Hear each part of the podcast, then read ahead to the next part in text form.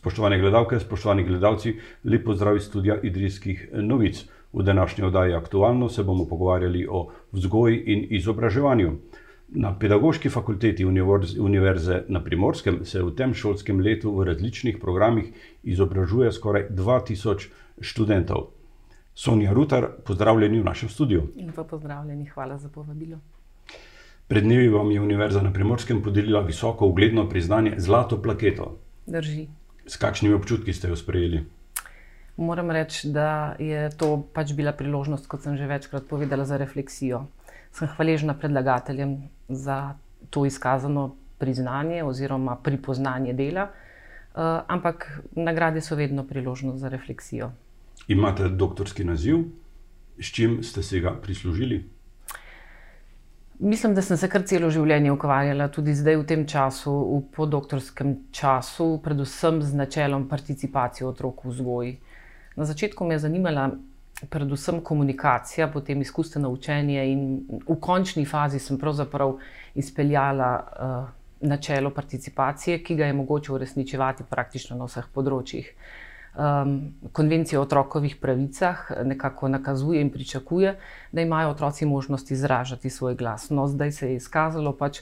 Da to eh, ni pričakovano, oziroma potrebno izpostaviti samo na nižjih stopnjah izobraževanja, pač pa tudi, seveda, na visokošolskih ravnih. Ravno kar urejamo monografijo z področja visokošolskega izobraževanja in ugotavljamo, da še samo regulacijsko učenje pogosto ni prisotno na visokošolski ravni. Kaj pa še le participacija otrok oziroma študentov? E, sedaj ste profesorica na pedagoški fakulteti in na eni strani se ukvarjate z raziskovanjem, na drugi pa tudi s poučevanjem. Ja, to težko je zagotoviti to ravnovesje, ne, ravnotežje, zato ker pri nas imamo veliko študentov, kar pomeni, da veliko poučujemo. Vendar, če ne raziskujemo, potem ne nastaja novo znanje, in običajno študenti najraje prisluhnejo, se pravi, novim spoznanjem. Um, raziskovalno smo v bistvu zelo aktivni, um, če ne financirano, pa samostojno, se pravi, uh, problemov in raziskovalnih vprašanj je toliko, da jih težko pravzaprav vse obdelamo. Uh, kaj pomeni navedba? da ste nosilka predmetov na dodiplomskem in podiplomskem študiju. Nosilka predmetov. To pomeni, da v nekaterih primerjih pomeni, da sem uh, tudi sama napisala ta program, v drugih primerjih pomeni, da ga tudi v celoti izvajam. Običajno sem pa vsi nosilci, smo skrbniki za kakovost izvedbe, lahko smo tudi izvajalci, lahko smo samo nosilci, običajno smo vedno nosilci in izvajalci na naši fakulteti. Eh, če ne vedo nekaj teh eh, programov, ukvarjate se s predšolsko vzgojo, z edukacijskimi vedami, z inkluzivno pedagogiko, zgodnim učenjem in tudi izobraževanjem odraslih in razvojem karijere. Spektr je zelo širok. Ne? Ja, osnova je pa pedagogika. Se pravi, eh, mogoče, če, če pogledamo za nazaj eh, v čas eh, razvoja šolstva, bomo ugotovili, da smo mi bili zelo um, ne moderni, pač pa aktualni. Če pogledamo čas, po, ne po drugi svetovni vojni, pač pa 1959, ko smo dobili to uh, enotno osnovno šolo, že 1960 so v naših osnovnih šolah začeli delovati psihologi, uh, socialni delavci, potem pedagogi in, in logopedi. Kar pomeni, da se je že v takratnem času uh, začelo zavedati, da se potrebuje kompleksno znanje za to, da se uh, pomaga vsem otrokom, ki imajo različne učne potrebe. In to so v bistvu samo različne smeri, se pravi tudi discipline, ki se pač razvijajo na filozofski fakulteti in tudi na pedagoški fakulteti. Zdaj, inkluzivna pedagogika. Je smer, ki se je začela najprej razvijati v drugih državah. To smo prepoznali v slovenskem prostoru, kajti Običajno je bila pri nas razvita recimo specialna pedagogika. Ne?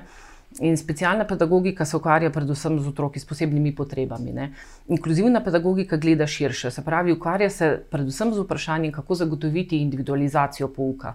Indiv ne samo individualiziran program, individualizacijo pouka se pravi pomagati otrokom, da so lahko učno uspešni, pa ne samo učno uspešni, pač pa tudi predvsem sprejeti, vključeni. In inkluzivni pedagog bi običajno moral, se pravi, pomagati učiteljem, se pravi celotnemu kolektivu, zato da lahko uspešno poučuje. Ne gre samo za delo z otroki, gre za delo s starši, gre za delo v celotnem kolektivu.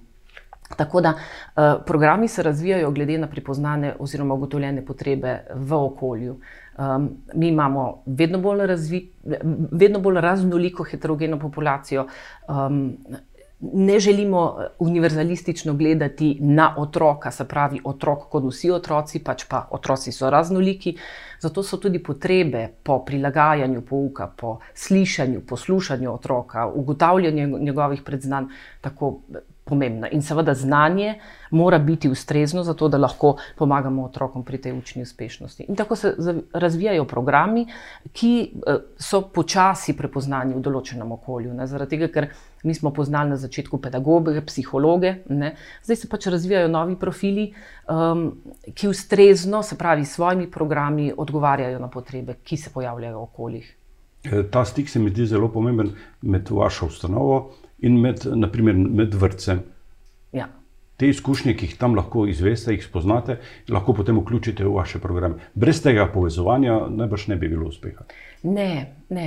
Uh, zato, ker no, sama sem začela delovati najprej uh, v vrtu, potem sem začela sodelovati s pedagoškim inštitutom in na pedagoškem inštitutu smo delovali predvsem v razvojno-raziskovalnih programih. In ko deluješ v razvojno-raziskovalnih programih, delaš akcijsko, se pravi, delaš akcijske raziskave. In v akcijskih raziskavah neposredno sodeluješ, se pravi, z vzgojitelji, ravnatelji, svetovalnimi delavci. Kar pomeni, da ugotoviš, kaj, kaj določeno področje, se pravi, katera raven izobraževanja, kaj potrebuje, a ne kakšna znanja. In brez sodelovanja fakultete, univerze, se pravi, z okoljem, praktično, mislim, to, to je skoraj da nemogoča zadeva. Ne? Mi, razvijamo pristope skupaj z vzgojitelji, mentori v šolah. To je tutorstvo. A, ne, tutorstvo ne, je nekaj, nekaj drugega. drugega. Ja, ja, ja. K temu projektu ste pristopili leta 2007. Ja, ja, mislim, da ja. Namre, sploh ne vem zakaj, ampak začutila sem, ne, da v univerzi potrebujemo uh, inštitut tutorstva, kar pomeni eh, osebe, torej študenta ali učitelja, ki pomaga se, pravi, se vključevati v okolje študentu. Zdaj, eh, preliminarni rezultati raziskave, ki jo ravno kar v teku kažejo, da imajo študentje kar velike težave ob vključevanju v univerzitetno visokošolsko okolje. Zakaj? Um, dobeseden zapis uh, kaže na to, da uh, um, se od otrok prevečkrat pričakuje, da sedijo, poslušajo in um, odgovarjajo na postavljena vprašanja.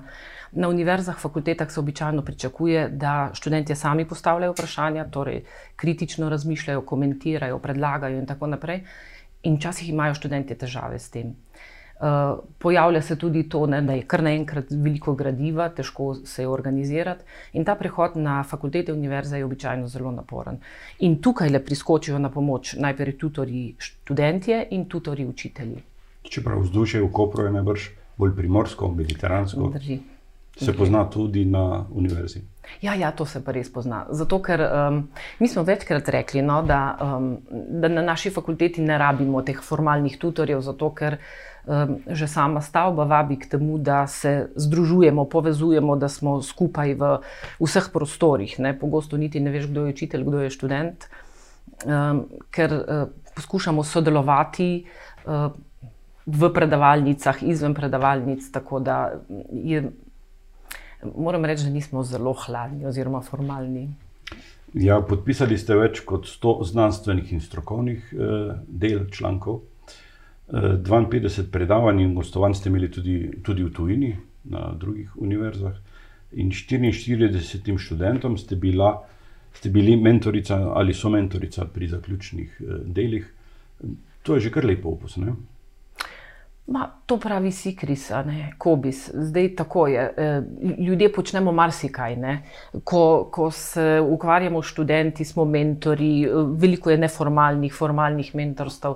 Um, v veliko veselje pa mi je bilo v resnici sodelovati z mednarodnim okoljem.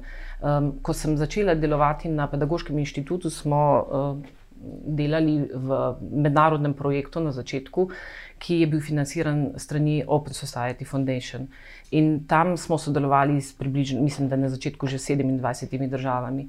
Um, dobesedno direktorje posameznih uh, uh, teh inštitutov smo poznali osebno. Uh, zato smo tudi poznali razmere v različnih državah. In iz tistih sodelovanj sem se pravzaprav naučila zlasti tega, da če ne sodeluješ s partnerji iz drugih držav, sebe ne poznaš. Tako da smo začeli zelo hitro navezovati stike z drugimi državami, uh, pa ne zato, uh, da bi tako zelo občudovali druge države, še enkrat, pač pa zato, da študenti spoznajo naš sistem, naš sistem izobraževanja. Zato, ker ko se družijo, recimo, študenti z belgijskimi študenti, študenti iz Finske, študenti iz Norveške, skratka Španije, Portugalske, ko ti študenti predstavijo, se pravi, svoje izobraževalne sisteme, ko profesori, ki pridejo k nam to predstavijo. Dobijo pravzaprav pogled študentje v življenje drugih držav ne, uh, in sisteme. In običajno se izkaže, da imamo mi dejansko enega izmed najboljših ali najboljših sistemov predšolske vzgoje v, na svetu. Se zgodi, kdaj, da pridajo tuji profesori k vam vprašati, ja, kako ja. bi vi rešili nek problem? Ja, ja seveda. Se, stalno delamo, se pravi, skupaj raziskujemo, pišemo članke, um, drug od drugega se učimo. No. Ta upetost v ta svetovni evropski prostor je najbrž sila dragocena. Ja, zlasti zato, ker. Um, hm, Zelo dobro vprašanje. Namreč gre za to, da se sama v zadnjih letih predvsem bojim tega, da bi pozabili oziroma spregledali, v kakšnih razmerah živimo in kakšne možnosti imamo. Um, to, da, im, da imajo naše mame eh, porodniški uh, dopust eno leto, ne, uh, v Belgiji pa nekaj tednov, je nepredstavljivo.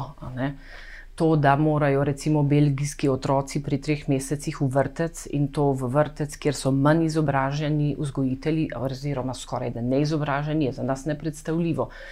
To, da otroci recimo gredo v, najprej v daycare center, se pravi v centre, kjer se varuje otroke in potem v predšolsko ustanovo in potem ob 12. spet v drugo ustanovo, je za nas nepredstavljivo. Torej, če v bistvu spoznamo sisteme v drugih državah, začnemo pravzaprav ceniti naš sistem. Še enkrat, tile sistemi, ki jih imamo danes vzpostavljene, so se razvijali v 60-ih, 70-ih letih, napake pa niso bile storjene 96. leta, ko so se krovni zakoni oblikovali. Takrat je bilo v slovenskem prostoru ogromno znanja. In danes, ne, ko ljudje odhajajo v penzije, ne, se lahko zgodi, da ne bi vedeli, zakaj se je določena stvar tako uh, nastavila, kot se je. Mi imamo, recimo, če pogledamo predšolsko izobraževanje.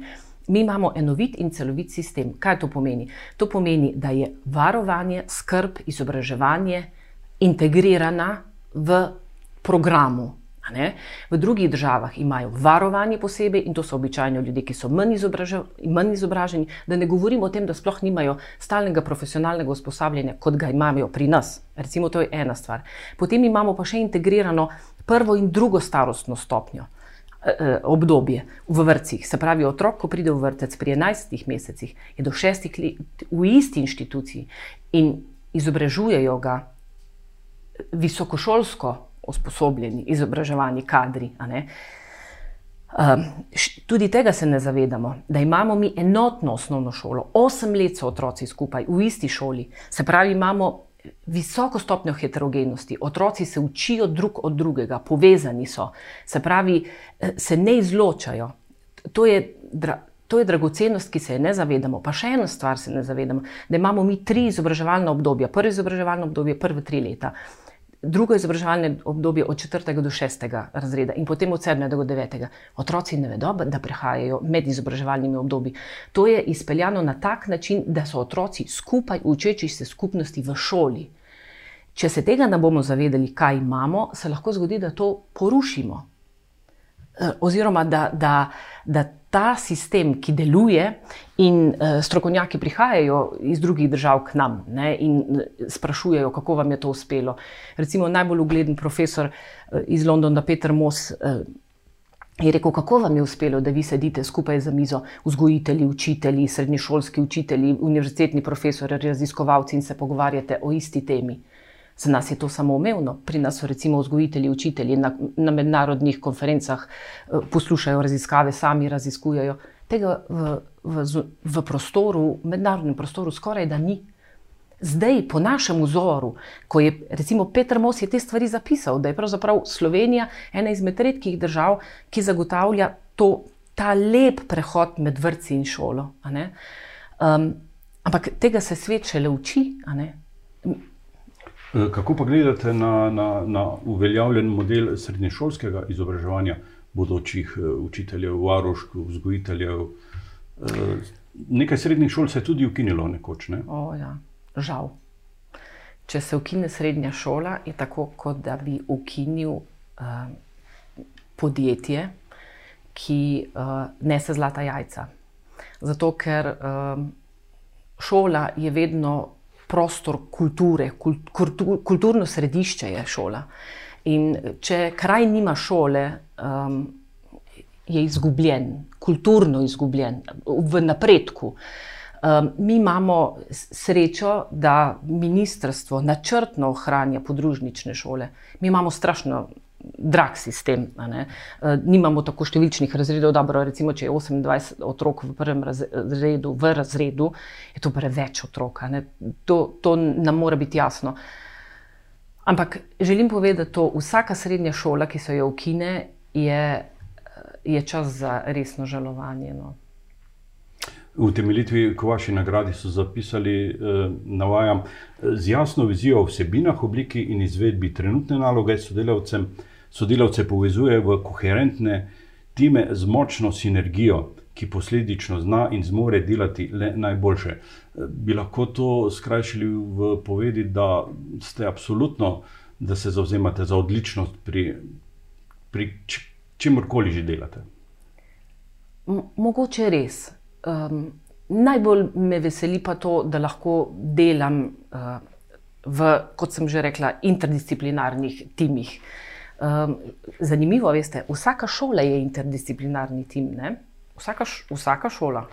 Um, mi, raziskovalci, ko sedimo skupaj uh, z, z različnih področji, pa še nekaj je zelo zanimivo in dobro, različno stari, z različnimi izkušnjami.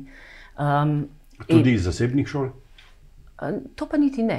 Predvsem z javnimi. javnimi. Pa tudi, ko prihajajo k nam študenti, recimo študenti iz rednega študija, prihajajo iz tudi privatnih. Ja. Tako, ja, ja, ja ni, ni težav, ampak mi delamo predvsem pravi, v teh interdisciplinarnih timih, uh, pa ne samo z raziskovalci, pravi tudi z zunanjim okoljem. Vedno bolj smo povezani tako. Uh, moram povedati, zdaj, ko delamo nadaljavo, ko je mogoče se povezovati z umom, um, množično se srečujemo. Um, usklajujemo, načrtujemo. Se mi zdi, da je tega sodelovanja in dostopnost. Se pravi, ta, to delo nadaljavo omogoča neko inkluzivnost, dostopnost. In veliko visokošolskih učiteljev ali kolegov, raziskovalcev je omenilo, ne, zlasti ženske, govorijo o tem, lahko smo mame, lahko smo noseče, lahko smo na porodniški in še vedno sodelujemo. Tako da to je ena posebna dimenzija, se pravi, uh, sodelovanja nadaljavo. Uh, veliko raziskovalcev je, uh, mislim, ženske so uh, mame in obenem lahko aktivno sodelujejo pri vseh zadevah, ni se jim treba voziti, sodelujejo v zelo kompleksnih uh, raziskavah. Bi lahko rekli, da ta zdravstvena kriza je prinesla veliko slabega, vendar te variante z umom in sodelovanjem nadaljavo so nekaj dobrega. Bo to ostalo? Ja, ja, nekaj bo že ostalo, zagotovo. Danes si ne znam predstavljati, da, da, bi, da tega ne bi bilo več. Zato, ker še enkrat podarjam, ko smo mi organizirali recimo srečanja na fakulteti, univerzi, je prišlo običajno po 20-30 ljudi, recimo na srečanje, kar je pomenilo, da so se morali pripeljati, vzeti cel dan časa in tako naprej. Danes prisostuje recimo na dogodku po 100-200 ljudi, uh, ki še kako aktivno sodelujejo in uh, ne bi mogli sodelovati, če uh, ne bi bilo nadaljavo. Uh, S tem se poveča informiranost, uh, vključenost in tudi vsebinsko bogatost se zgodi, zato ker je več ljudi, ker je več ljudi vključenih. No. Eh, eno obdobje ste bili tudi prorektorica. Vas, vas zanimajo ta področja, da bi se ukvarjali tudi z organizacijo univerze? No, to je bilo od leta 15 do leta 19, to, so, to je zahtevno delo, zato je prav, um, da sem izrazila tudi željo, da bi šla nazaj na fakulteto, zato ker um, zelo rada raziskujem svoje področje. Ne. Moje področje je pedagoško. Um, visokošolska didaktika, predšolska pedagogika, nekako ne navadno, ne, da, da sta tako, se pravi, predšolska in visokošolska didaktika, ampak um, ravno pri visokošolskem poučevanju dobiš eh, otroke iz raznolikih okolij. In to predšolsko obdobje je najpomembnejše za celoten razvoj družbe. Eh, Američani um, jasno izražajo, da investicija v predšolsko obdobje uh, se tako povrne, ne, da ni več dvoma. Ekonomisti so izračunali, ne, en dolar uroženo otroka ne, se pomnoži krat, krat sedem, ne, se pravi v kasnejšem obdobju. Izkazalo se je, da recimo, da programi, visoko kakovostni programi, ne, eh, pomembno vplivajo na to, eh, ne samo koliko časa bodo otroci oziroma odrasli hodili v šolo, ne, ampak bodo imeli boljše življenje manj nasilja, bolj zdravi bodo, eh, manj kriminala. Pa ne glede na to, v kakšnem okolju so živeli, ko so bili, se pravi, otroci, ne glede na to, v kakšnem družinskem okolju so živeli. Tako da v bistvu investicija v predšolsko vzgojo je največja investicija. Eh, skratka, ti ljudje bodo čez 15-20 let ne, na fakultetah, ne, in če ne bodo imeli v bistvu tega obdobja res kakovostnega, tudi kasneje ne bodo mogli biti v bistvu uh, uspešni. Visokošolska didaktika pa zato, ker um, pred stoletji, oziroma recimo pred stoletji, no, je bilo pač nekako. Uh, So si ljudje, raziskovalci, so menili, če jaz poznam svoje področje, znam tudi poučevati. Danes ni dvoma, ni dvoma, da imamo super raziskovalce, ki morda ne znajo ničesar povedati o tem, ne, kaj so spoznali. Ne, eh, ne znajo niti predstaviti procesa uh, celotnega raziskovanja. Kaj šele, da bi znali skomunicirati spoznanja. Uh, visokošolski učitelj je oseba, ki mora biti seveda naklonjen študentom, ki prihajajo, verjeti mora vanje, da so zmožni, prepoznati mora predhodno znanje. Imamo vedno več študentov iz drugih držav, kar pomeni, da prihajajo z različnimi izkušnjami, različnim znanjem in lahko bistveno pripomorejo in dodajo vsebine v naš izobraževalni sistem. To pomeni, da visokošolska didaktika. Eh, je pomembno področje, ki ga je v bistvu naša univerza začela prva negovati, v resnici sistematično od leta 2010 v, na naši univerzi. Uh, je pa treba povedati, da visokošolska didaktika se je začela razvijati že leta 1972 s profesorjem Šmitom, potem se je začela razvijati s profesor Barico Marentič Požarnik, vendar sta bila takrat v tistem obdobju osamljena. Danes vse ugledne univerze na svetu imajo spletne strani, dostopne, odprte, se pravi, materijale. Eh, vsi učitelji lahko preberejo osnovna izhodišča, kako organizirati poučevanje, zato da so lahko študenti uspešni. Ne? Študent pride na fakulteto zato, da se nečesa nauči. Vsak otrok pride v šolo zato, da se nečesa nauči, torej tudi na fakulteto. In zato morajo v bistvu učitelji znati spodbujati učenje. Vaša univerza je stara sedaj 19 let. Uh, ima kaj otroških bolezni? Pa mislim, da ne. Pa mislim, v resnici, da ne. E, občudujem e, vse, kar je bilo do zdaj postorjenega. E, mi smo imeli zdaj profesor Lucija Čok, profesor Rado Buhinc, profesor Dragan Marušič, zdaj profesor Klaudija Kutner, rektorica. Ena zelo lepa kontinuiteta je zaznana. Um, in tudi, eh, seveda, se je v enem obdobju zmanjšalo število študentov, ampak to, je, to, to se je zgodilo, um, to, to se v bistvu dogaja, ampak zdaj v bistvu samo raste število študentov.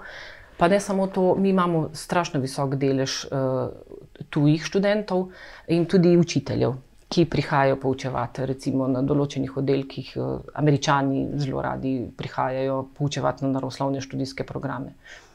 No, imamo gostujoče profesore, pa tudi na pedagoški fakulteti, kot sem že prej povedala, ker je to. Um, ker je to zelo pomembno, da naši študenti prepoznajo, se pravi, okolje, v katerem živijo, ampak ga lahko prepoznajo samo tako, da spoznavajo druga okolja. Ja. E, Sonja Rutar, še enkrat čestitke za ugledno priznanje univerze. Želim vam še veliko raziskovalnih izzivov, ki jih boste zagotovo znali prijeti in tudi e, rešiti. Hvala, ker ste bila gostja v našem studiu. Najlepša hvala za povabilo. Uh, uh, Idrijsko-crkljanska oziroma primorska mi pomeni vse. To je okolje, v katerem sem odraščala, okolje, v katerem sem imela priložnosti za razvoj. Um, upam, da lahko vrnem to tako, da pomagam pri razvoju mladih kadrov, ki bodo vstopali pravi, v to okolje. Um, hvala še enkrat. Ja. Vam, spoštovane gledalke in gledalci, pa hvala za pozornost.